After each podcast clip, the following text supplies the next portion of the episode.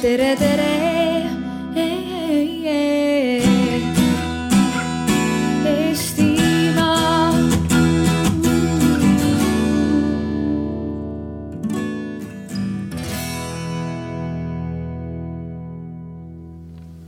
tere! Tere tulemast kuulama arutelu Piirideta anonüümne ei kellegi maal koolikiusamine nutiajastul.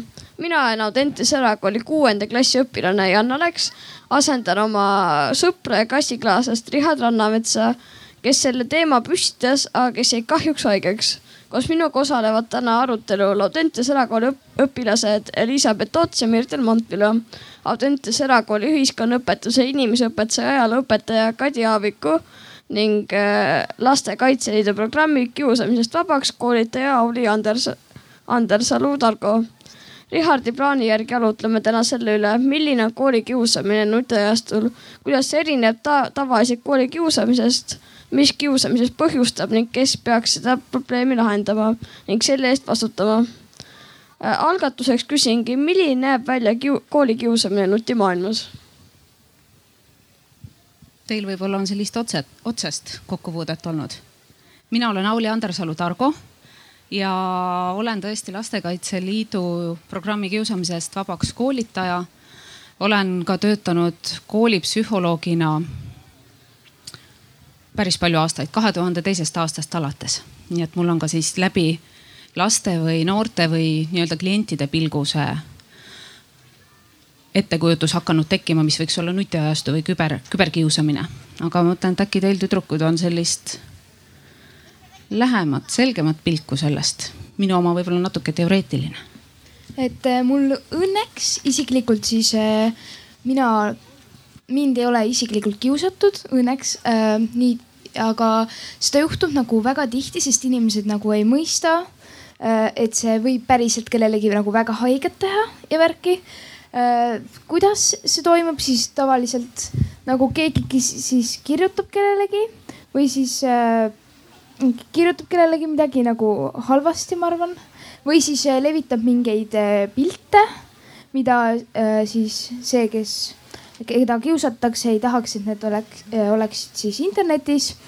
ja minu arust nagu just viimasel ajal on hästi palju seda, et on nagu need anonüümsed nagu leheküljed, kus sa saad inimesele kirjutada täiesti anonüümselt mingeid sõnumeid küsimusi küsida ja siis nad tavaliselt vastavad nendele sotsiaalmeedias. ja väga tihti sinna kirjutatakse anonüümselt nagu lihtsalt põhjenduseta solvanguid. Elizabeth, oskad sa öelda, millised need lehed on? Et ma olen vana inimene et nagu Facebook nimed. ju, jah, Facebook ju ei tohiks Sara, olla anonüüm sihuke noh, see ongi nagu niimoodi, et sa ise teed endale konto ja siis sa saad lingi ja seda linki sa saad jagada, ütled inimestele, et nad siis kirjutaksid sinna. jah, et see on äh, seal saab äh,, inimesed saavad sulle anonüümseid sõnumeid kirjutada ja sa, nad võivad sulle ükskõik mida seal kirjutada, nad võivad sinu saladusi öelda seal välja. ja internetis ongi tõesti see, et sul ei ole õpetajat juures kogu aeg või sul ei ole kedagi, kes sind aitaks, et see, see ongi nüüd, et kas sa räägid sellest, et keegi kiusab sind või siis äh, jäädki vait? Et tihti isegi ei, nagu vanemad ei tea nagu üldse, kui suure surve all nende lapsed on tegelikult äh, siis nutimaailmas mingitel põhjustel. et see on väga-väga õudne, kuidas on nagu tõesti juhtunud mingi väga suured nagu mm, nagu lapsed on väga-väga kaugele depressiooni langenud näiteks ja vanemad ei tea üldse sellest mitte midagi. ja osasid vanemaid on veel hullem, et osasid vanemaid tõesti ka ei huvita, aga see on nagu pigem nagu haruldasem. Mina olen äh, Kadi Aavik ja mina olen nende kolme noore õpetaja.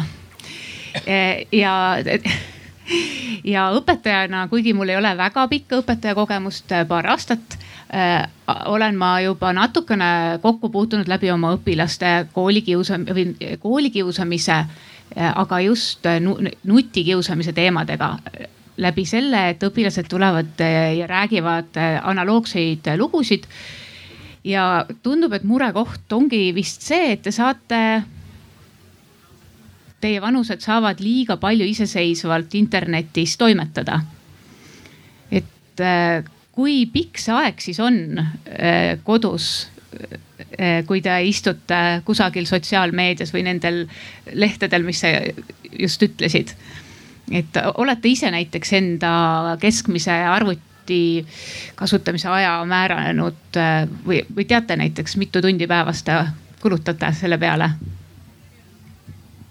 mina näiteks üldse ei oskaks pakkuda, sest see on nagu tänapäeva maailmas, see on niivõrd nagu igapäevaelu osa, väga palju ka meie nagu produktiivseid toimetusi toimub siis nagu nutimaailmas ja see nagu sa ei pane enam tähele seda, et aa, nüüd ma avan arvuti, aa, nüüd ma olen internetis, vaid sa nagu lihtsalt nagu teed seal oma asja ära ja siis äh, kasvõi ma ei tea, kas siis jätkad surfamist või jah. kui te tahate ise ka küsimusi esitada, siis tõstke käsi mm. -hmm ma mõtlesin, et võib-olla täiendan kiusa, küberkiusamise mõiste juurde, annan mõned sellised mõtted või, või väikesed äh, kriteeriumid, asjad, mille järgi võiks üldse aru saada, et kas on tegemist kiusamisega või mitte. Üks on kindlasti see, et see tegevus on korduv keegi korduvalt on siis kas solvanud, pannud üles mingeid halvustavaid äh, postitusi, fotosid, kommenteerinud, teinud midagi mitmeid kordi ühe inimese suhtes. ja päris kindlasti võib kiusamiseks nimetada ka seda, kui mm, see, kelle suhtes kiusatakse, tehakse siis seal kübermaailmas midagi halvasti, tunneb, et ta ei saa enda kaitseks midagi ette võtta, ta on kas tunneb, et on üksi, et ei ole kedagi, kes teda toetaks, aitaks, sa tõid välja ka seda, et võib-olla tõesti vanemad või täiskasvanud lihtsalt ei oma üldse aimu, mis seal toimub ja see suurendab just nimelt seda üksi olemise tunnet või seda abituse ja lootusetuse tunnet. eriti kui me arvestame, et küberkiusamisel on ju iseloomulik see suur anonüümsuse teema, mis puudutab kiusajaid. ja seda tunnet, et ah, ma siin panen mingi postituse ja ma nagunii ju kohe ei näe ka, kuidas siis see kiusatav reageerib. Ehk siis ma ei saa ka sellist otsest tagasisidet, et ma tegin talle haiget. lihtsalt panen mingi asja üles ja vaatame. et noh, mis siis ikka äkki ei juhtugi midagi hullu ja ei ole ka noortel või ütleme, lastel just ei ole ka väga selget ettekujutust, kui laialt ja kui kiiresti see levima läheb. et see on ka üks selline keeruline asi seal. Ja ma mõtlen, et mul tuli kohe siin teie jutust üks mõte, üks selline soovitus, mis ütleme siis kohe alguses ära ühe mõtte, mis võiks aidata seda lõpetada, on see, kui nüüd näiteks, kuidas oli Sarah, mitu iganes ahahhi seal oli lõpus, eks ju see lehekülg, et kui sinna keegi postitab sulle midagi, mõne küsimuse, kommentaari, midagi. ja kui seda mitmeid kordi, see inimene on kuidagi halb, pahatahtlik, solvav, kriitiline, siis jäta vastamata kiusajat võib peatada see, kui ta ei saa mingit soovitud reaktsiooni ehk teiste inimeste tähelepanu või seda mingisugust vastust. blokeeri see kiusaja ka juba enda mis iganes sotsiaalmeediast, sellest maailmast ja jäta vastamata, see juba võib olla üks viis, kuidas seda olukorda hakata muutma. ja meil on juba publiku seast ka esimene küsimus. Ma tahtsin sisse tuua teema, mis jookseb praegu Facebookis. on sellised pildid ja siis äh, on kommentaar juures, et tag'i siia alla oma sõber. viie minuti jooksul, kui ta ei vasta, peab ta sulle tegema välja pitsa. kas te arvate, et see on ka kiusamine? sest minul isiklikult on kogemus, kus äh, üks tütarlaps oli väga mures, sest tal ei olnud raha, et seda pitsat välja teha ja, ja ta oli täiesti veendunud, et ta peab selle välja tegema, sest ta ei jõudnud selle viie minuti jooksul sinna vastata. Minu arust see on pisut nagu ülemõtlemine, nagu hästi palju on siukseid postitusi praegu ja et see pigem on nagu naljaga või nagu, et sa võid ju teha nagu sõbra mõttes pitsa välja, kui sa tahad, aga minu arust see ei ole nagu ähvardus, et tee pitsa välja või muidu ma tulen sulle koju ja ma ei tea, mida iganes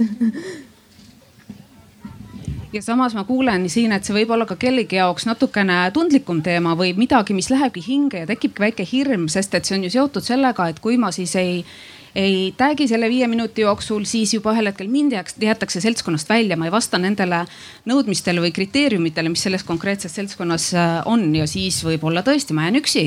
ja, ja ühel hetkel ma ei olegi enam selles maailmas üldse kaasas, ei postitata mulle enam üldse midagi ei, ei head ega halba ja olengi isolatsioonis aga et siit mina loen isiklikult välja praegu, kui ma kuulasin seda, siis ongi, et üks näiteks oletame, et neljanda klassi tüdruk tunneb, et ta päriselt on süüdi, samas sina, mis, mis klass sa oled? mina lähen kaheksandasse. Lähed kaheksandasse, et sinu jaoks see on nagu nali, aga samas kui me mõtleme nüüd niipidi, et kas siis on päris tihti niimoodi, et üks võib kiusata niimoodi, et ta ei saa arugi, et ta kiusab, et kui sina tag'id mõne neljanda klassi lapse sinna, siis sina arvad, et ta teeb sa teed nalja, aga tema arvab, et sa tegelikult kiusad teda. Et kuidas sellega on? nagu seda olukorda juhtub nagu väga tihti, nagu isegi nagu tehakse Instagramis ja Facebookis siukseid nagu privaatkontosid, kuhu sa võtad nagu ainult, ma ei tea, parimaid sõpru sisse, lased sisse üldse näha neid postitusi. ja siis sinna postitatakse tihti mingeid naljakaid pilte sõpradest ja vahepeal ka nagu avalikule kontole. ja siis tihti nagu sina mõtled, et on hästi naljakas, aga see sõber nagu läheb täiesti endast välja ja kirjutab sulle pika kirja, miks sa pead selle maha võtma. nagu minuga seda isiklikult juhtunud ei ole, aga seda on juhtunud tihti mõtlen praegu, Kadi, kas sinule kui õpetajale on mingit sellist infot jõudnud, et kuidas siis, kui sa ei ole otseselt selle looga seotud, aga kuuled, et kellegagi juhtub midagi taolist, mis sa siis teed? ja õpetaja ja klassijuhatajana on juba päris mitmeid kordi tulnud tegeleda teemaga, et on postitatud just sellises privaatsemas grupis Äh, pilte ilma luba küsimata ja nüüd on ka uus andmekaitseseadus, et äh, õpetajana siis, kui muud üle ei jää, et kui ikkagi see kordub, siis sa lihtsalt äh, viitadki otseselt mingile seadusele. et loomulikult enne tuleb lihtsalt ilusti rääkida ja, ja, ja proovida jah, seletada siis erinevate inimeste, osapoolte tundeid et alati tuleb rääkida ka, või noh, tuleb rääkida ka sõpradega nii-öelda mina vormis, et ja julgeda öelda, et vot mulle ei meeldi see. ja kui on normaalse inimesega tegu, siis ta järgmine kord ei teegi seda.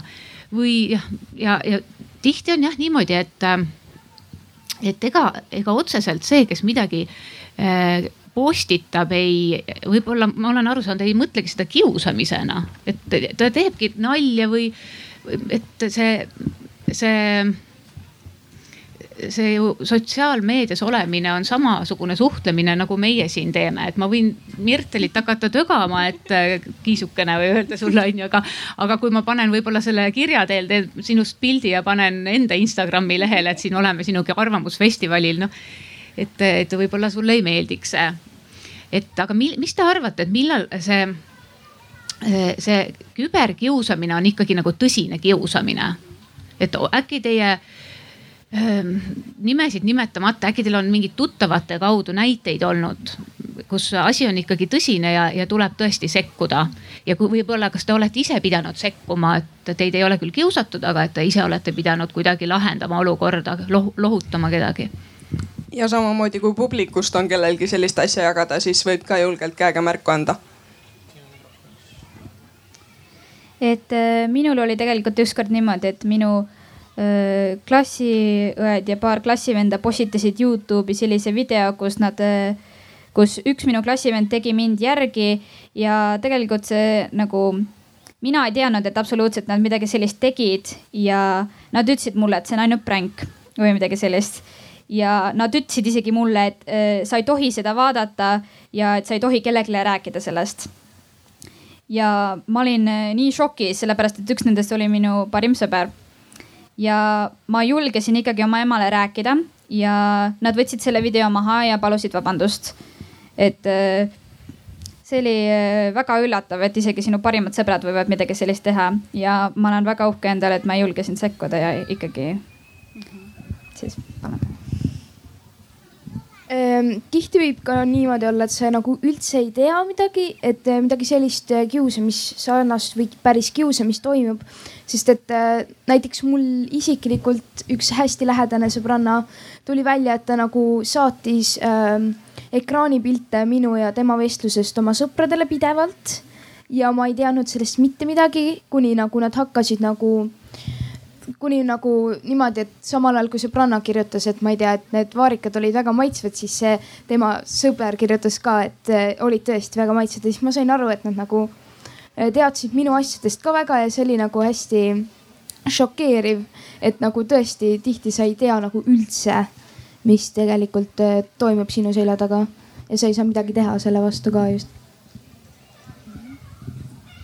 Jan, kas sul ka mõni lugu on? Mul otseselt ei ole, mul on päris hästi läinud sellega aga mõni näide sõbra peal, tuttava peal? kusjuures tegelikult ei ole. ei olegi? mul on kõik väga hästi sõpradega ka. sul on tõesti hästi läinud?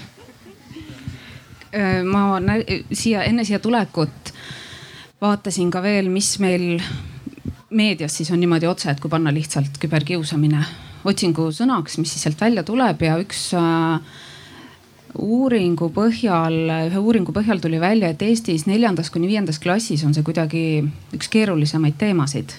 ja mitte nüüd, et siis ainult seal see toimub, vaid et äh, noh, siis on ka enamusel lastel juba mingisugused vahendid, võimalused ja ka oskused kübermaailmas liikuda ja selle tõttu seal midagi ette võtta. ja see võib täiesti vabalt ka siis juba jõuda edasi, et kui me räägime kiusamisest üldse, siis see võib alata tegelikult ka juba lasteaiaealiste laste hulgas ja vabalt, täiesti vabalt võib olla ka täiskasvanute hulgas näiteks töökohtades kiusamist, et see kuidagi tundub, et inimgruppides võib üsna lihtsalt juhtuda ka no ma ei tea, kas see nüüd on liiga palju öelda, kui me võime öelda, et ka mõnikord perekondades inimeste vahel võib ette tulla kiusamist. Või kogu aeg lausa, ahah okei. Okay., eks, et ähm, ja, ja mida ma tahaks kindlasti öelda, et see ei pea olema normaalsus. Et kui me räägime näiteks koolist ja räägime sellest seltskonnast siin, kes lähevad sügisel jälle, alustavad seal teiste laste hulgas ja noorte hulgas toimetamist, siis kõigil nendel noortel ja õpetajatel ja ka tegelikult vanematel võiks olla üks ühine arusaamine, et mitte miski ei õigusta kiusamist kiusamisel ei ole mingeid vabandusi, ei ole see mitte ühel ega teisel ega kolmandal moel lubatud käitumine. see on täiesti vastuvõetamatu käitumine nüüd on ainuke asi siis see, et tõesti, mis me peale hakkame ja ma kuulsin siin, et sinus oli see julgus. ma ei tea, kas ongi see nagu see praegu meil üks kampaania on ka olnud suurim julgus. Üks, üks julguse osi on see, et rääkida mõnele täiskasvanule ja ma usun, et psühholoogid on ammu aru saanud ka sellest ja kõikvõimalikud uuringud toetavad seda väidet, et kui lapsel on vanematega piisavalt hea suhe või on tal mõni teine täiskasvanu, keda ta saab usaldada siis juba on väiksemad igasugused vaimse tervisega seotud riskid, probleemid. ehk siis see jagamise võimalus, et laps ei pea ise kõige eest vastutama, aga on keegi teine, kes tuleb appi, teeb midagi, ütleb, võtab midagi ette, et see on väga-väga oluline ja mina õpetajana võin öelda, et tõesti äh, meie koolis ja, ja kampaaniatest on näha, et tegelikult äh, üldse Eesti koolides on võetud äh, suund nulltolerantsile meie koolis ju ka, et nii kui mingi mure on, siis me räägime sellest. ja, ja mul on hästi hea meel, et mul on enda klassi lapsevanematega väga hea kontakt. ja, ja, ja see peabki olema ühel klassijuhatajal ja ka õpetajal sest ainult siis saab tegelikult lastega need probleemid lahendada aga, aga mis te arvate, et, ähm, et kui või mis noh, mis klassis äh, sellised äh, probleemid, millest me just siin rääki, rääkisime, äh, aktuaalsed on, et kas nad mingis vanuses ka lõpevad või, või muudavad oma iseloomu?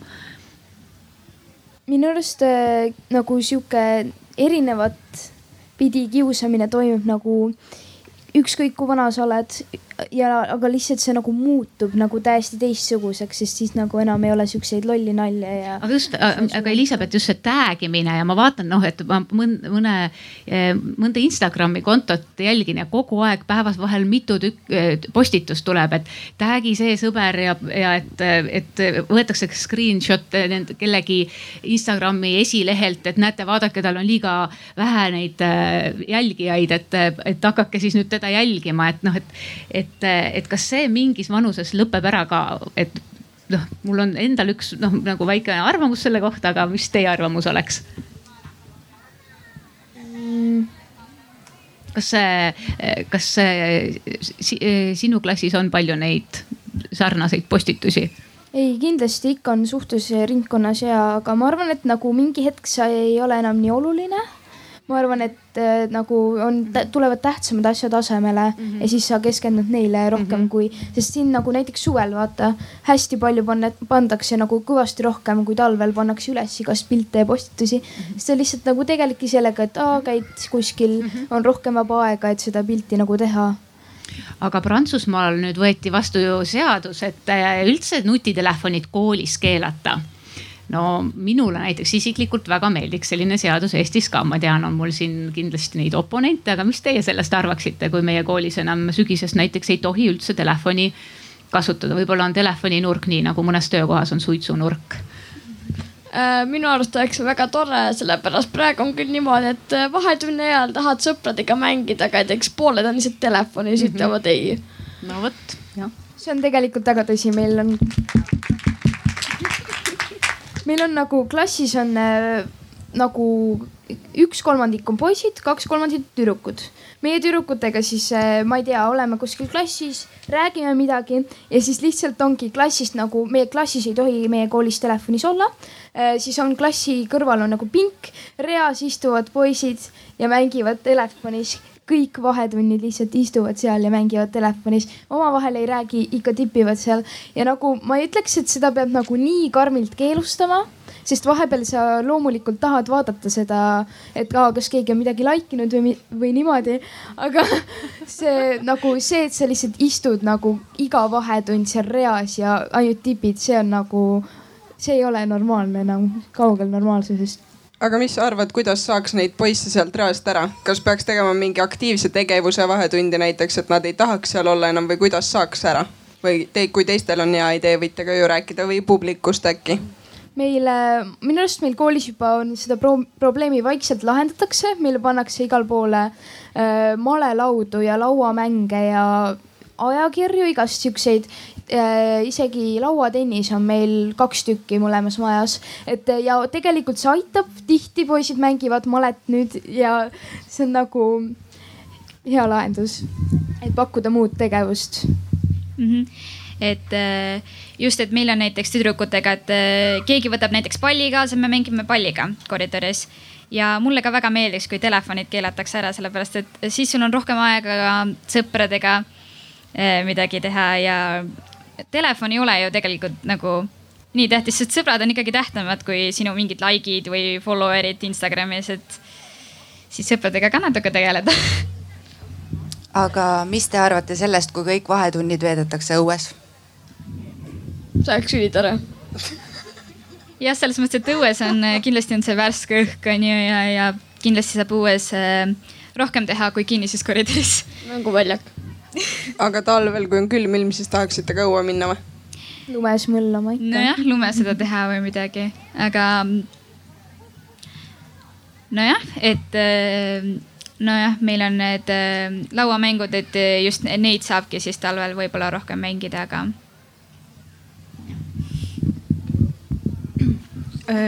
mul, mul on üks, üks väike küsimus, sa ütlesid küll üks, ühe asja ära, mis on võib-olla tähtsam, aga mis siis on tähtsam, kui sa ütlesid ka praegu Elizabeth või ütleme natuke aega tagasi, et, et praegu suvel postitad, aga et siis talvel võib-olla oleks vähem telefonis, on mingeid tähtsamaid asju teha. mis siis on telefonis tähtsamad asjad, millega te tegelete või tähtsamad, mis iganes muud? et just telefoni tähtsamad asjad nagu.. Telefonis tähtsamad ja, et ma ei olegi telefonis, vaid mul on midagi olulisemat, huvitavamat, põnevamat, ägedamat. mis need on? Tänapäeval on väga palju koolitööd telefonis, näiteks e-kooli äpp näiteks äh,. vaatad kodutööd iga päev, enamus nagu päevikusse enam ei kirjutagi, vaid sa vaatadki kodutööd iga päev telefonist või arvutist äh,. no siis mingid kooli asjad, kui on mingi referaat millestki kirjutada, siis sa muidugi otsid seda internetist. aga telefonist väljaspool olevad asjad, nii et sa üldse ei tahagi telefoni minna? kui sa mõtled oma terviku elu peale et sa elad, sa käid koolis, sa teed mingeid muid asju ja et mis on need asjad, mida saad teha telefonivabalt, need toredad, ägedad asjad, kus sul üldse ei ole vaja nagu sinna nutiasja minna? ma arvan, et sõpradega kokkusaamine kuskile, midagi, näiteks kinno minek, mingid siuksed asjad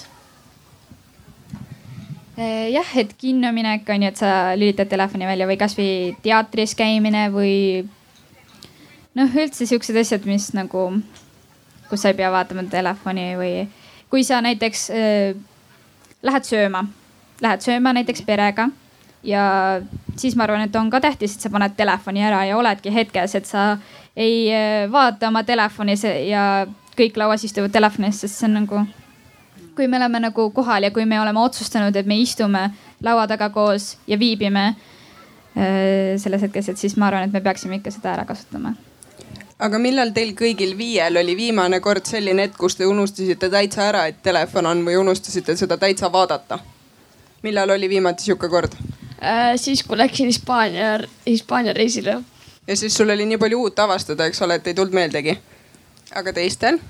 mina avastasin eile, kui meil oli võimalus esimest korda elus üldse discgolfi käia mängimas ja oli üks väga, ütleme siis otse välja Eesti meister, kes meil natuke juhendas, tuttav inimene, kuidas teha. Ja pärast mõtlesin, mul pole mitte ühtegi pilti sellest, mida me seal tegime, sest mul telefon oli lihtsalt kuskil ära kogu see paar tundi, mis me seal väljas niimoodi olime ja järelikult see siis köitis sind nii piisavalt. ja ma olin väga keskendunud sellele, et mingit uut oskust omandada, et kuulata, olla tähelepanelik, jälgida loodust, saada üldse aru, kus mu käsi, jalg või pea peab olema selle mängimise ajal. ja nii oligi, telefon ei omanud mingit tähtsust sellel hetkel. aga huvitav, kui kõik õpetajad suudaksid oma tunnid teha nii huvitavaks, et sa tahaksid kogu aeg seletada, siis ei peaks ju koolist telefone ära keelamagi, sest keegi ei võtakski kaasa. tõsi õpetajatel on siis väga suur vastutus jah? ja õpetajatel on väga raske töö tegelikult. eks ole, jah. aga teised kolm, millal teie viimati telefoni ära unustasite? Äh, ma arvan, et see oli kaks pool nädalat tagasi laagris, aga väga huvitav on see, et isegi nagu eile olin sõpradega õues, hästi lõbus, eks ju, ei tahakski telefoni vaadata, aga see nagu ma nagu pidin, sest ma vaatasin Google Maps'ist, kuhu me minema peame, et jõuda kohale.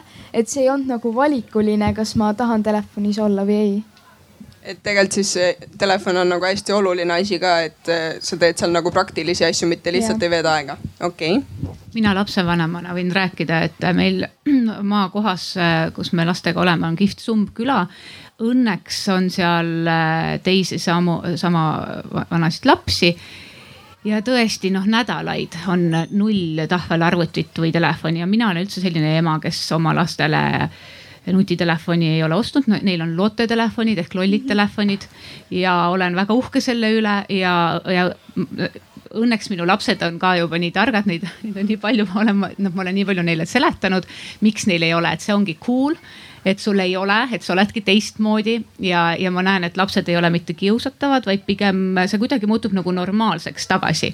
ma olen kuulnud, et Ameerikas üldsegi on tulnud välja selline uus äh, nutiloll telefon, kus on ainult mingid kindlad asjad inimestel, maksab, see pidi ainult maksma väga palju et äh, ma ei tea, Uberi, noh, et nii-öelda nendel äh, rikastel startup'i äriinimestel on noh, nad on teinud tähelepanekuid, et nutitelefon hakkab nende äritegevust, nende, nende tööd segama ja, ja siis on inimesed nimelt ostnud endale nii-öelda need teistsugused telefonid, kus saadki Uberit tellida ja, ja võib-olla mingid ja helistada, sõnumeid saata, see on ka kõik et eks lapsed on tegelikult targad, nad, nad ise saavad ka aru, mis on see äge asi. et kui me Soomes käisime Janni ja Merteliga, me käisime Soomes ekskursioonil. no jah, kui me olime täitsa väsinud, isegi õpetajad võtsid ja lapsevanemad võtsid vist korraks telefoni välja, oodates seal äh, tagasisõidulaeva. aga ei olnud äh, vaja seal olla. et, äh, et see loodus, see vabadus, see koosolemise rõõm et ega seda, seda ei taha eriti ära unustada ja seda ei asenda mingisugune vidin. aga mul on hoopis küsimus, et jah, Mirtel on jäänud, millal Mirtel, sina olid telefonivaba? ma tuletan vahepeal meelde, et kui publikust keegi sõna tahab, siis tõstke käsi ja toon teile mikrofoni, teil on ka iga hetk võimalik sõna sekka öelda. nii, Mirtel? no täpselt siis, kui ma näiteks äh, vanematega sõin õhtusööki või siis ähm, kui ma raamatut lugesin. Äh, või siis, kui ma käisin õues, et siis ähm, jah Äh, ma korra lisan siia veidi teise teema, et äh, tavaliselt äh, tahetakse nagu hästi mustvalgeks teha, et telefon on halb, kas, kas arvamus, et telefon on halb, telefon on saatanast, sa ainult istud seal iga päev ja muud ei teegi. või siis, et aa, telefon on nii hea, sa saad kõike sealt vaadata, et asjad ei ole nagu nii lihtsad, et tegelikult see ongi väga-väga nagu kahepoolne küsimus, et see on nii, niivõrd nagu elu lihtsamaks teinud, nii nagu lihtsa vaevaga, aga samas see nagu jah, teeb samas raskemaks elu jah, kõik peab tasakaalus olema.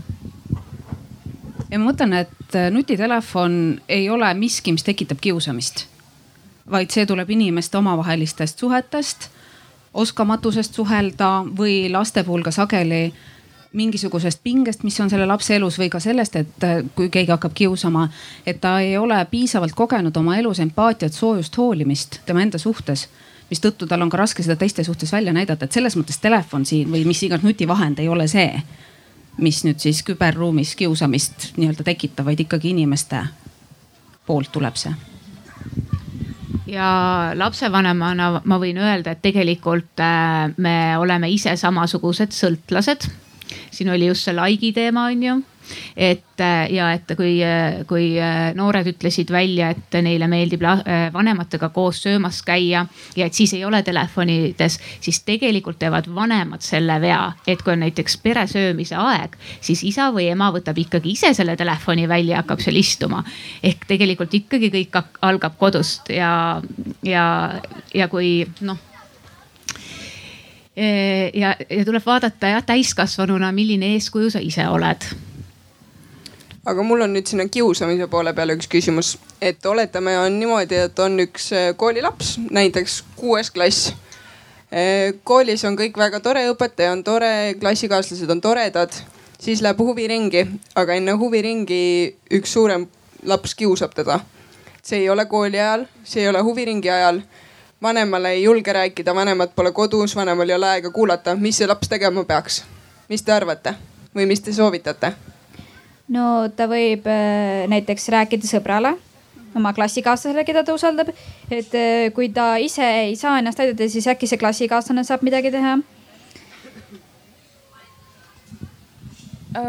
on olemas, ma olen kuulnud mingid siuksed vist äpid telefonis, kus sa saad rääkida siis noh, kas äh, tavaliselt inglise keeles sa saad rääkida nagu psühholoogiga, päris nagu psühholoogiga ja sest nagu minu arust on väga hea lahendus, sest sa tihti inimesed ei julge nagu tunnistada oma probleeme ja ei julge rääkida teistele ja see on nagu hea lahendus, sest seal nad saavad nagu vabalt rääkida. anonüümselt rääkida oma probleemidest. ja keda nad ei nagu ei tea tegelikult jah, et huvitav asi on see, et äh, lapsed või üldse noh, tänapäeval siis, et äh, nad äh, miskipärast äh, räägiksid parema meelega kellelegi, keda nad absoluutselt ei tunne oma probleemidest, kui sellele, keda nad äh, on tundnud juba mitu aastat näiteks.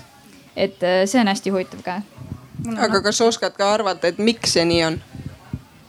Ma ei tea, võib-olla sellepärast, et äh, päriselus ta ei tunne sind ja võib-olla ta ei saa sul nagu midagi teha, et rääkida välja su saladusi või midagi ja siis nad usaldavad äkki sellepärast rohkem.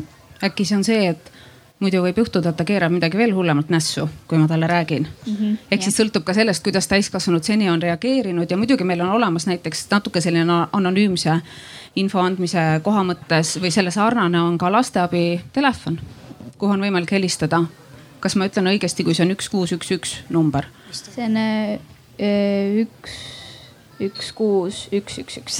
ühesõnaga need ühed ja kuued on seal lasteabi telefoninumber ja muidugi, kui me räägime veel sellest, et võib-olla mul on jah, mul on ka nii kurb kuulda, kui sa ütled, et, et vanemad ei on nii palju ära, ei jaksa pöörata tähelepanu, ei oska võib-olla märgata, et siis mõelda selle seltskonna peale, kes on koolis, ka need täiskasvanud.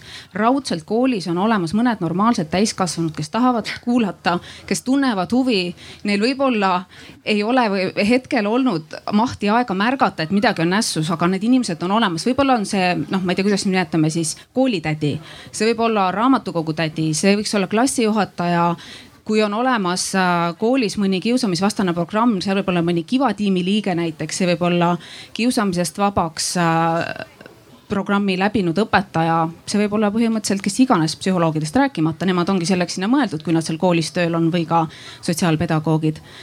et äh, kas võib nii olla, et need täiskasvanud varem ei ole võib-olla piisavalt normaalselt reageerinud, teinud midagi head ja selle tõttu ei ole nii palju julgust nende poole pöörduda ma usun, et nõukogude ajal see võis tõesti niimoodi olla. praegusel ajal ehk on juba parem pilt. Tihti sa ka ette arvad, et aa, kui ma räägin mingi, ma ei tea, õpetajale, siis ta mõtleb must nii palju halba ja ma, ma või midagi sellist, aga tegelikult see ei, tihti nagu sa saad nii palju abi sellest, kui sa räägid kellelegi täiskasvanule. Ja nagu probleemid on, hästi palju on neid juhtumeid, kus sa ei räägi õigel ajal äh, täiskasvanule või, või kasvõi sõbrale ja see probleem kasvab niimoodi üle pea sul lihtsalt pigem võiks rääkida varem, siis kui juba noh natuke asi hakkab vallaks minema okay ma korra küsin, et, et sina ütlesid, et on äh, siuksed äpid, kus saab äh, oma mure ära rääkida. et kas, ma küsin lihtsalt lapsevanemana, et kas, äh, kas tõesti tundub see kuidagi lapse jaoks turvalisem rääkida kuskil ähm, sellises kohas oma mure ära, kus sa isegi ei tea, kes seal ähm, sellele vastab või, või, või võiks siiski mõelda, et see võiks olla keegi, et sa ikkagi tead, kes ta on. aga lihtsalt, et ta oleks, ütleme võõras, nagu me aru saime, on ikkagi võõrale noh, ütleme kooli, koolipsühholoog võib-olla tundubki liiga nagu iga päev sul seal koolis ja, ja noh, võib-olla on mingisugune eelarvamus tekkinud läbi kellegi arvamuse. aga et noh, ütleme pöörduda kellegi poole, et, et saada mm, ma ei tea, juhised, kuidas kuhugi psühholoogi poole pöörduda, keda sa varem näinud ei ole. et kas see tõesti, et kuskil äpis oma mure ära kurta tundub võib-olla tänapäeva noorele kuidagi kohasem või, või kuidagi mugavam? nagu sa väga kardad, et äh, nagu, et oletame, mul on mingi, ma ei tea, sõbranna Kati ja sa tahad ja sul on mingi mure ja sa mõtled, sa räägid Katile, aga Kati võib ju, sa ei tea kunagi, kas ta räägib edasi kellelegi, eks ole. ja see on ja nojah, näiteks ja nagu hästi ma arvan, et seda kardetakse pigem, et nagu mida kaugemale see inimene sinust on, seda mõnes mõttes sa saad ka nagu ise julgemalt rääkida seda probleemi. Kui, mis vahet pole, kui isiklik see on, sest nagu tema ei saa sulle nagu näkku midagi jah, öelda või midagi halba nagu pärast teha. et eh, ma arvan, et isegi räägi, räägiks julgemalt. Et võib-olla heas mõttes, ma ei tea ja muidugi, kui me räägime küberkiusamise teemadel, siis päris kindlasti meie veebikonstaablid on need inimesed, kes ei ole otseselt sinu enda isiklik tuttav, samas kellel on väga palju teadmisi, infot, oskusi, kuidas toimetada siis, kui on küberruumis toimunud mingisugune probleem või kui on mingid kahtlused, et midagi on seal pahasti. Nende poole tasub kindlasti ka pöörduda. jah, ja õpetaja, eks tegelikult loomulikult ongi, et, et kõik põhineb usaldusel ja kui sul on emaga usalduslik suhe või isaga, siis sa pöördud tema poole või mõne sa tead sõbraga, et, et eks see on ka see koht, kus siis vaadata jällegi endale ka otsa, et, et siis äkki mina oleksin see, keda minu sõber või minu laps või või minu õpilane tahaks usaldada, et kui on ikkagi äh, kellelgi mure, siis sa ei lähe seda edasi rääkima see kuulub õpetajate tööeetika hulka ja tegelikult õpetajad kõik peaksid seda andma edasi ka oma õpilastele inimeseõpetuse tundides äh, tehes erinevaid rollimänge või rääkides üldse nendest teemadest. et, äh, et, äh, et kui sa tahad olla hea sõber või et sinuga midagi ei juhtuks, siis näita jällegi, jällegi eeskuju. aga kas teil on tulnud ka lahendada tavalise koolikiusamise või noh, kas olete kokku puutunud ka selle tavalise koolikiusamisega või nüüd tänapäeval ongi see nuti maailm nii võimust võtnud, et enam seda tavalist koolikiusamist ei eksisteerigi, et kuidas teie isiklik kogemus on? Ükskord ma nägin, me olime klassiõdedega, kõndisime tundi ja me nägime, kuidas mingi isegi vist vanema klassi poissi klassikaaslased kiusasid, lihtsalt võtsid talt kotti ära, naersid ja seda oli näha, et see ei olnud nali, vaid see nagu inimene päriselt äh, kannatas selle all. ja me ütlesime õpetajale ja see probleem lahen-, lahenes kohe. tublid. Aga meil on siin üks küsimus selle tavalise ja küberkiusamisega kohta. Eh, kas kas tavaline kiusamine, küberkiusamine käib tavaliselt käsikäes selle ühe inimese kohta? ja siis teine asi on see, et kumba te ise tajute intensiivsemana, et kumb on nagu suurem, kas nagu suurem probleem on see füüsiline kiusamine kohapeal koolis või ta on pigem see, et see ongi siis seal interneti oma? Internetis on lihtne ju see, et seal ei ole tihti vanemaid juures või ei ole kedagi, kes ütleks, et kuule, et see ei ole normaalne. Et on ainult noored, kes ei tea täpsemalt, kas see on võib-olla okei okay või mitte, et, et ähm, koolis on ju see, et on õpetajad juures või on, no vähemalt keegi on juures, on ju, et kes saab äh, rääkida, et võib-olla siis küberkiusamine tundub nagu sihukene asi, mida on raskem äh, lahendada ja tundub nagu lihtsam ja inimesed ütlevad internetis ka hästi palju lihtsamini välja arvamuse nagu hästi otse ja eriti tänapäeval hästi tihti on nagu noortel sõbrad muutuvad. kahe kuuga on täiesti teised sõbrad, sest et lihtsalt inimesed nagu niivõrd nagu otse ütlevad ja lihtsalt ja võivad olla ka väga hoolimatud selles, kuidas nad kellegi kohta midagi ütlevad. jah mm. -hmm ja muidugi me vaatame kiusamine kui selline suurem nähtus, siis küberkiusamine on lihtsalt üks kiusamise alaliik. ja kui küsimus selles, et kas nad on niimoodi eraldi, et kedagi ainult küberruumis kiusatakse ja päriselus mitte, siis enamasti ikkagi see kandub sealt küberruumist ka tavalisse või ma ei tea, kuidas me nimetame, reaalsesse ellu, sellesse kooli teel või vahetunni ajal või sööklas või kehalise kasvatuse riietusruumis või kus iganes mujal toimub ka midagi. et niimoodi selles mõttes ei ole, nad ikkagi hästi segunevad või siis on sedapidi, et on kiusamine alguses toimunud reaalses elus ja läheb ka küberruumi üle. Ja seal ta tõesti on intensiivsem, ma arvan küll. ja veel lisaks äh, võib nii öelda, et laastab laste-noorte vaimset tervist rohkem kui see tavakiusamine. Just selle tõttu, et see lootusetuse ja abituse tunne tekib seal rohkem. sest me ei tea, kas keegi tuleb appi, kuidas toimetada, mida teha ja nii edasi. Äh, minu arust ongi lastes hästi palju jõuetust ja hirmu sellepärast et äh, äh, kõik, mis on sinna kirja pandud, see kuhugi sinna talletub ja seda ei saa tagasi võtta. ja tihtipeale lastel on mingi hirm, mis hetkel seda minu vastu ära kasutatakse. ja meil ei ole ju tegelikult õpetatud, mismoodi me selle sotsiaalmeediat peame kasutama. et äh, samas on see, mis sa sinna kirjutad, väga emotsioonitu ja tihtipeale on võimalik seda ka kaheti mõista et, ähm, et neid, et, et see on üks väga-väga keeruline teema, mis, millega tihtipeale ka täiskasvanud hakkama ei saa. ja minu arust, mida me saame teha, on äh, õhtuti istuda ja rääkida oma lastega ja tunnistada ka aeg-ajalt oma jõuetust, sest äh, mina näiteks ei teadnud, et ma täiesti kogemata solvasin oma oma töötajat sellega, et mu raamatupidamisprogrammis on suured tähed ja kui ma temaga korraks vilksti vestlesin, siis ma jäin suurte tähtede peale ja meil oli koosolekul täitsa teema, kuidas ma tema peale karjusin. aga see juhtus nüüd küll täitsa kogemata aga ma arvan, et neid kogemata solvamisi juhtub internetis ja sotsiaalmeedias täna hästi palju. võib-olla üks selline väike mõte, mis äh, võiks anda natuke lootust ja vanematele ka seda jõudu tagasi, on see, et vaatamata sellele, et kübermaailmas meie, meie noh, minusugused ka toimetame alles esimest korda, me ka ei tea pooli asju, kuidas ja mida teha, siis äh, niisugune soovitus ja nõuanne oleks see, et suhtle seal inimestega nii, nagu sa suhtleksid siis, kui nad on sinuga tegelikult koos ühes ruumis. ja see võib-olla juba annab sellise juhise lastele ka ette, et ütle seal seda, mida sa ütleksid siis, kui ta vaatab sulle otsa sinuga päriselt koos olles mul on selline küsimus äh, õpilastele ja õpetajale ka. et õpilased äh,, kuidas te julgesite minna oma õpetaja juurde oma probleemidega, et kui te näete, et kas teid või kedagi teist kiusatakse ähm, ja miks ma seda küsin, sellepärast et kui mina kooli ajal ei oleks oma klassijuhataja juurde läinud, minu jaoks oli klassijuhataja oli kuidagi selline nagu outsider, et sõpradega oli punt, aga õpetajale ei räägitud asjadest. õpetaja oli sihuke imelik, ta oli kuidagi teises ruumis, ta ei olnud osa meist. et miks te räägite?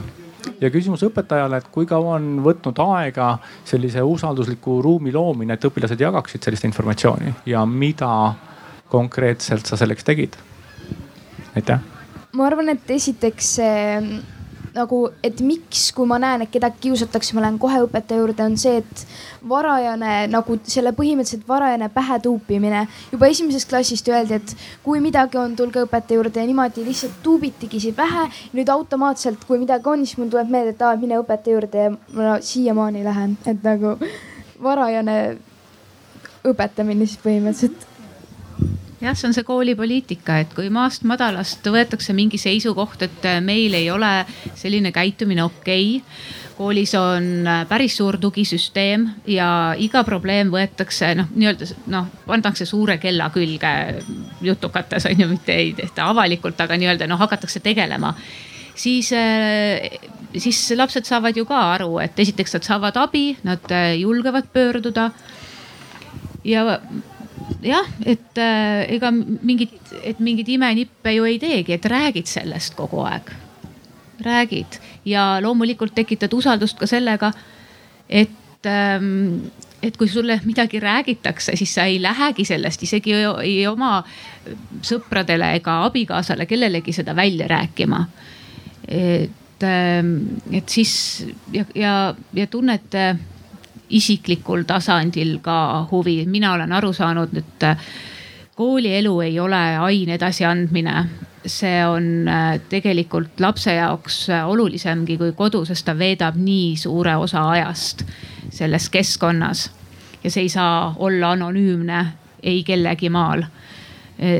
Äh, selline nutielu, et tegelikult me oleme sotsiaalsed olendid, me tahame kõik olla koos, isegi kui noh, see tundub telefon nagu lahedam, siis tegelikult me tahame seda, seda usalduslikku suhet, tahame seda paid ja kallit, et et võib-olla noh, sellise usaldusliku suhte loomine aitab hästi palju kaasa. Ja hoolimine jah et ja, ja et kui sa ise hoolid, et siis on nii kihvt vaadata, kuidas tõesti, et kuidas sinu õpilased ka, kui nad näevadki näiteks et kedagi vanema klassi poissi kiusati, võeti ta kott ära. et ka õpilased lähevad ja räägivad edasi ja võib-olla see hirm ka, et sa teadki, et noh, et kui keegi näeb, et on mingi kiusamise asi siis see ei jää niisama, selle, et, et noh, et äh, seda ei tolereerita lihtsalt, nii ongi ma arvan, et olles koolis töötanud päris mitmeid aastaid, äh, ma olen ise ka natukene tunde andnud. see, mida ma teen õpilastega, on see, et ma võtan neid igal juhul tõsiselt ja see loobki suhte kui ma vaatan neile otsa, proovin aru saada, mis nendega parasjagu toimub, küsin, kas nad on tunniks valmis, kas nad tahavad seda, mida mina tahan neile pakkuda. ja kui see ei ole nii, siis ma ei materda neid maha, vaid ma proovin ka aru saada, kuidas neid toetada, et need et nende mõte muutuks jälle selgeks, et nad hakkaksid ka seda tunni teemat kuulama, siis ma arvan, et põhiline on selle suhte juures see, et ma võtan neid tõsiselt. Nende mingisuguseid mõttekäike, teemasid, hetkel olevaid tundeid ka. Ja seda ma usun, et järjest rohkem meie Eesti koolis õpetajad ka teevad. Mm, mina isiklikult näen seda, et olukord, ma ise olen kakskümmend neli, nii et äh, kõike seda kaasa arvatud koolikiusamist ma kogesin mõnda aega tagasi. ja ma näen seda, et äh, õpilaste usalduslik suhe õpetajaga on suurenenud aja jooksul aga samas ma näen ka seda, et tegelikkuses kool on suhteliselt hambutu olukorras, kus tegu on mingi tõsiselt problemaatilise lapsega, kes järjepidevalt kiusabki äh, teisi õpilasi, et oma, oma noorema õe pealt kes, kes käib suhteliselt viisakas, võib öelda, et isegi sellise eliitmaigulises koolis. Tema pealt ma näen seda, et, aastaid juba on klassis üks noormees, kes järjepidevalt terroriseerib teisi lapsi, kaasa arvatud minu õde. aga samas, kuigi sellega järjepidevalt tegeletakse, siis äh, kaheksa aasta jooksul ei ole mitte midagi muutunud. nii et äh, on oluline, ma arvan, see, et me räägime kiusamisest ja üritame seda nii-öelda tuua põranda alt välja aga ma arvan, et järgmine reaalne samm peaks olema see, et mida me saame reaalselt koolikeskkonnas ära teha et need asjad ei jääks nii-öelda riiulile kogu aeg sellisesse protsessi, et me tegeleme sellega, aga tegelikkuses ei leia õigeid lahendusi. aitäh. mul üks mõte või kommentaar on, ma loodan, et see kuskilt otsapidi haakub selle teemaga. see on lühidalt öeldes selline märksõna nagu kõrvalseisjate, pealtvaatajate roll et üks pool, mis ma kuulen siin on, et täiskasvanud on seal toimetanud, midagi võib-olla teinud, ei ole hakkama saanud, ma ei tea, kuidas on seal suhe olnud nende vanematega, kas nemad tunnistavad seda, et nende lapsel on mingisugused eripärad või kui, kuivõrd nad suudavad abi vastu võtta ja otsida? Aga kui kiusamine toimub ükskõik, kas on küberruumis või see on ka tavaelus, siis need, kes näevad, märkavad, nende asi on midagi teha. kõige väiksem asi on öelda, ma ei tea, kas see on kõige väiksem või kui, kuidas teile tundub, kui lihtne või raske oleks öelda, et lõpeta ära, see ei ole okei okay,, mida sa teed, see on nõme. sa ei tohi teda kiusata.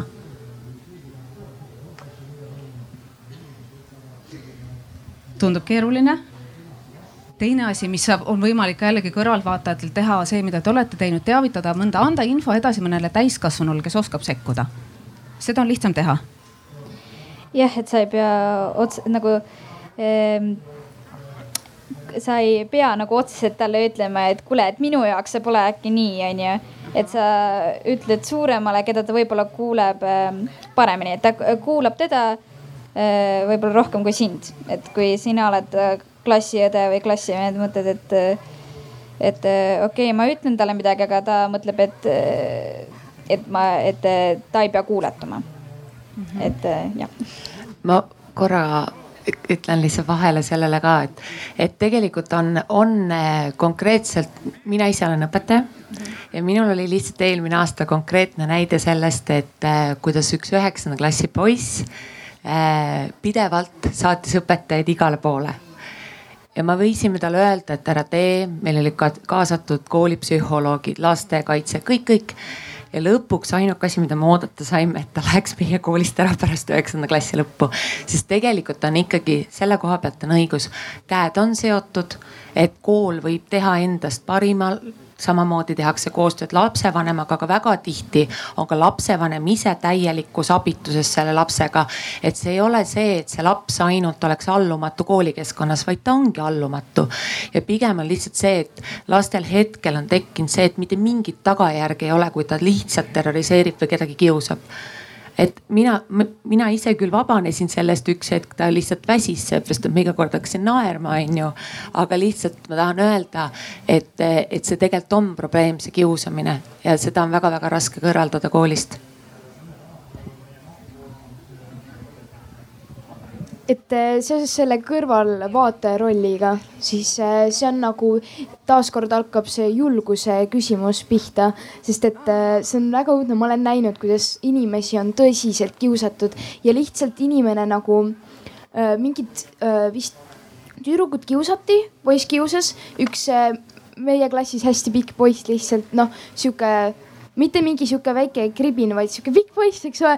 ja lihtsalt seisab ja vaatab ja mina läksin vahele äh,, lahendasime tüli, küsin talt siis, et noh, miks sa vahe, miks sina midagi ei teinud, on noh ma, ma, ma ei tea, et nagu, et see on hästi suur probleem, et see tihti nagu niivõrd, niivõrd võimendab seda kiusamist. ja sul on täitsa õigus, aga samas ma küsin, et kui õpetaja oli juba alates esimesest klassist teile pähe tagunud, et tule ütle õpetajale, tule ütle õpetajale, et, et mis sa arvad, mis te kõik arvate, et kui see oleks esimesest klassist peale ka nii-öelda pähe taotud see, et kui sa näed, astu vahele, ütle, et see ei ole okei okay,, mine seisa selle eest, kas siis ka oleks seda kergem teha, kui see on algusest peale niimoodi kogu aeg õpetatud, õpetatud, et astu vahele. toeta seda, kes on hetkel nõrgemal positsioonil tegelikult äh, on, äh, oleneb sellest nagu olukorrast, et äh, kas see on nüüd selline asi, et sa, sa jõuad astuda vahele ja öelda ise talle, et see ei ole okei okay. või siis sa lähed, ütled õpetajale, õpetaja, kes on suurem inimene, suudab sellega paremini tegeleda, kui võib-olla sina suudaksid sellel hetkel, et ja kõrvaltvaatajatel, kõrvaltvaatajatel on veel üks võimalus ka muidugi, kui on keegi, keda on kiusatud ja isegi mitte, et sa näed pealt mingit konkreetset olukorda, aga sa näed, et keegi on võib-olla kõrvale jäetud sööklas kuidagi üksinda või vahetunnis kuidagi üksinda, siis üks väike asi, mida sa tema heaks saad teha, on see, et kutsuda enda juurde.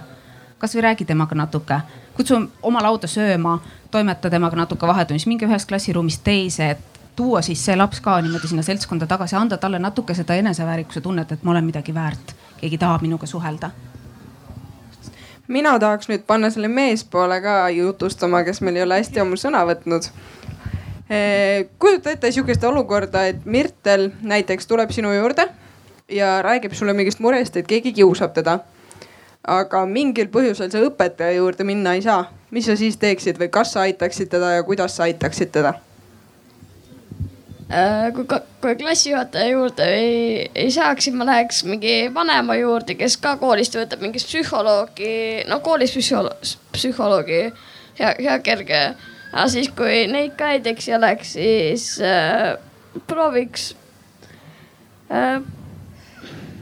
näiteks kui olete kuskil, ma ei tea, skatepargis näiteks ja iga õhtu seal üks ja sama poiss kiusab kogu aeg Mirtelit, seal ei ole läheduses ühtegi, ühtegi täiskasvanut, aga näiteks sul on telefon, sul oled sa ise, mis sa teeksid? mis sul tuleb esimesena pähe? Äh, võib-olla helistaksin Mirteli vanematele, et miks teda kiusatakse, et võib-olla võiks järgi tulla või siis need, näiteks nende vanemad võiksid rääkida selle poisiga või siis, kui Mirteli vanemad eks jõu, jõuaksid, siis me saaks, siis nad saaksid küsida poisi käest, kes tema vanemad on või. aga veel üks variant, kui sa näed eh, näiteks, ma ei tea, samamoodi skatepargis näed, et sinule täiesti võõrad inimesed ja ühte poissi kuidagi tõrjutakse või lükatakse eemale või füüsiliselt kiusatakse, mis sa siis teeksid, kui sa ei teaks, kes on tema vanemad? no siis ma läheks juurde, küsisin, mis äh,, miks nad sind kiusavad ja miks nad, et äh, aga kas sa julgeksid seda teha, kui sa näed, et nad on tegelikult, need kiusajad on sinust nagu suuremad, kas sa julgeksid midagi teha? julgeksid minna juurde või sa mõtleksid kuidagi teistmoodi, et ise tahab plaanil hoida, aga tegelikult tahaks aidata? kas kellelgi on idee, et kuidas eh, näiteks aidata sellist inimest, et ta on sinuga samavanune ja teda kiusavad suuremad inimesed, aga ühtegi täiskasvanut lähedal ei ole? Äh, äh, nendega rahulikult rääkida ja siis, kui nad ei saa aru, siis tuua äkki sõbra ja rääkida sõbraga koos või kahekesti rääkida kas kellelgi on veel mõni idee, võib-olla mõni vanem oskab midagi soovitada, mida sellises olukorras teha, kui tegelikult läheduses ühtegi täiskasvanut ei ole? kuidas teie oma last õpetaksite või aitaksite? Ma arvan, et võib-olla kõige parem idee on helistada oma ema-isale. mis te arvate sellest? aga teoorias, kui sa ei tea neid inimesi, siis äh, tõenäoliselt sa ei näe neid enam kunagi, nii et ma ei usu, kuidas see nagu, siis see oleks lihtsalt justkui jutt, et aa, see juhtus täna, aga nagu seda ei saa enam lahendada ma mõtlen tegelikult sellises olukorras, kus sa näed, et kedagi võõrast kiusatakse, aga sa ei julge sekkuda ja sa ei tea, kes need võõrad on, siis sa pead ju tooma mängu mõne täiskasvanu. siis kes on sulle kõige turvalisem täiskasvanu? Äh, no kasvõi äh, kui seal skatecover'is on mingi töötajad, siis ütled talle, et näiteks, et sihukene asi toimub, et äh, seda poissi kiusatakse ja kui jah, kui sina ei saa midagi teha, et siis kindlasti saab keegi, kes seal töötab, siis sind aidata. väga hea, tubli aga muidu olete nõus, et tuleb aidata ka neid, keda te tegelikult otseselt ei tunne, mitte ainult oma sõpru, et tuleb märgata teisi ka. väga tublid. muidugi aga Jan, kas sul on ka mõne asja kohta, mis varem räägiti, midagi öelda, sa oled nii vaikne meil seal nurgas. Mulle ennem küll tundus, et sa tahtsid paar korda rääkida, aga sul teised vist rääkisid kõvemini, siis sa ei hakanud nagu üritama. tahad sa midagi öelda selle kohta, mis mõtteid sul tulnud on? et kiusamine on tõesti niisugune väga huvitav asi, et vahepeal tuleb sekkuda sisse, aga siis kui näiteks mingi näiteks isegi vanemad on nagu näiteks, no näiteks mu ema ütles seal, et äh, isegi suurtel vahepeal tekib neid probleeme ja vestlusi, et äh, arvatakse, et kiusatakse mingil moel või karjutakse peale, isegi siis, kui vanemad ei saanud sellest aru ja seda võibki seostada see, mis sinu ema rääkis selle kohta, et tal jäid eh, trükitähed peale ja arvas, et karjus. seda võib minu meelest seostada selle tag imise asjaga, et kui Elizabeth tag ib näiteks neljanda klassi tüdruku ja arvab, et teeb nalja, siis see neljanda klassi tüdruk tegelikult tunneb ennast halvasti. samamoodi sinu ema täiesti juhuslikult, eh, mitte midagi paha mõtlemata kirjutas selle trükitähtedega, aga see teine inimene võttis seda väga südamesse. et järelikult vist tuleb hästi põhjalikult mõelda, enne kui internetis midagi öelda, eks ole ja tegelikult äh, lisaks sellele tuleb hästi põhjalikult mõelda, mida ikkagi internetti postitatakse. sellepärast, et äh, mina oma ühiskonnaõpetuse tundides olen õpilasi viinud ka kohtusse, kus äh, kohtunik on just spetsialiseerunud alaealiste kuritegudele ja ja erinevatele kaasustele ja põhiprobleem on just seesama, see küberkiusamine, aga see on hoopis veel noh, hoopis hullemas vormis, et, et asi äh, anonüümselt läheb ikkagi sinnamaani juba, kus, kus väga pahad tegijad äh, hakkavad välja pressima, kas siis äh, teatud fotosid näiteks või siis teevad äh, seda sinu enda sõbrad ja, ja sa näiteks panedki endast siis mingi pildi, mida keegi käseb sul panna ülesse ja siis see läheb täiesti oma elu elama, et neid näiteid pidi olema päris, päris palju. ja meil äh, ka käis koolis rääkimas äh, interneti turvalisuse noh spetsialist ja tema ütles tegelikult seda, mida ma tahaksin kõikidele tegelikult edasi öelda, ka, ka suurtele. et, et härra Google on see, kes ka nii-öelda suurte maailmas toimetab, et personalijuhid äh, tööle värvates inimesi kõigepealt otsivad infot sealt ja juba, äh, juba maast madalast palun postitada neid asju, mis jätavad sinust hea mulje. näiteks, et sa oled siin Arvamusfestivalil sõna võtnud nendel tähtsatel teemadel ja see tuleb kõik siis internetist välja. et pane vähem siis neid peibe äh, või, või kõva mehe pilte on ju. et, et tegelikult see on ka oluline ja, ja mina järjest rõhutan seda, et, et äh, parem siis ole tõesti anonüümne, kui kogu oma eraelu käi sotsiaalmeedias välja, et isegi kui see nii äge ei tundu sulle, et noh, et võib-olla saad nii palju likee, et see, need kaks teemat siin tundub väga hästi haakuvad ja et nad on kõik omavahel seotud, et, et, et see omavaheline suhtlemine, hoolimine, usaldus ja pigem jah, jääda võib-olla siis internetis vähem anonüümsemaks, kui jah, kõik, kõik endast paljastada siis ma arvangi, et kui ah, Jan tahab rääkida äh,. ei, me hakkame natuke lõpupoole jõudma. ja ma tahtsingi öelda selle kähku ära, enne kui sina saad oma sõna, et lõpetada. et ma arvan, et kui me siit püsti tõuseme, siis see kõige olulisem asi, mis me sellest tunnist ajast praegu kaasa võtame, ongi see, et äh, isegi kui sa proovid internetis suhelda nii, nagu sa suhtleksid siis, kui ta päriselus suhtled, siis tegelikult on ikkagi nii, et läbi interneti sa ei näe kehakeelt ega näoilmeid ja sa pead ikka väga-väga-väga-väga tõsiselt enne mõtlema, mis sa sinna kirja paned või teisele ütled, sest et äh, see peab olema üheselt mõistetav, muidu sa lihtsalt võid kellelegi väga haiget teha. ja Jan, palun äh, teema oli väga huvitav, aga meie aeg hakkab äh,, aga meil hakkab ka aeg otsa saama. loodeva, loodetavasti said kõik kuulajad nii mõtteainet kui ka näpunäiteid, mida edaspidi kiusamise vähendamiseks ette võtta. ma, ma tänan kõiki osalejaid äh,. tervitused Richardile ning aitäh teile kuulamast.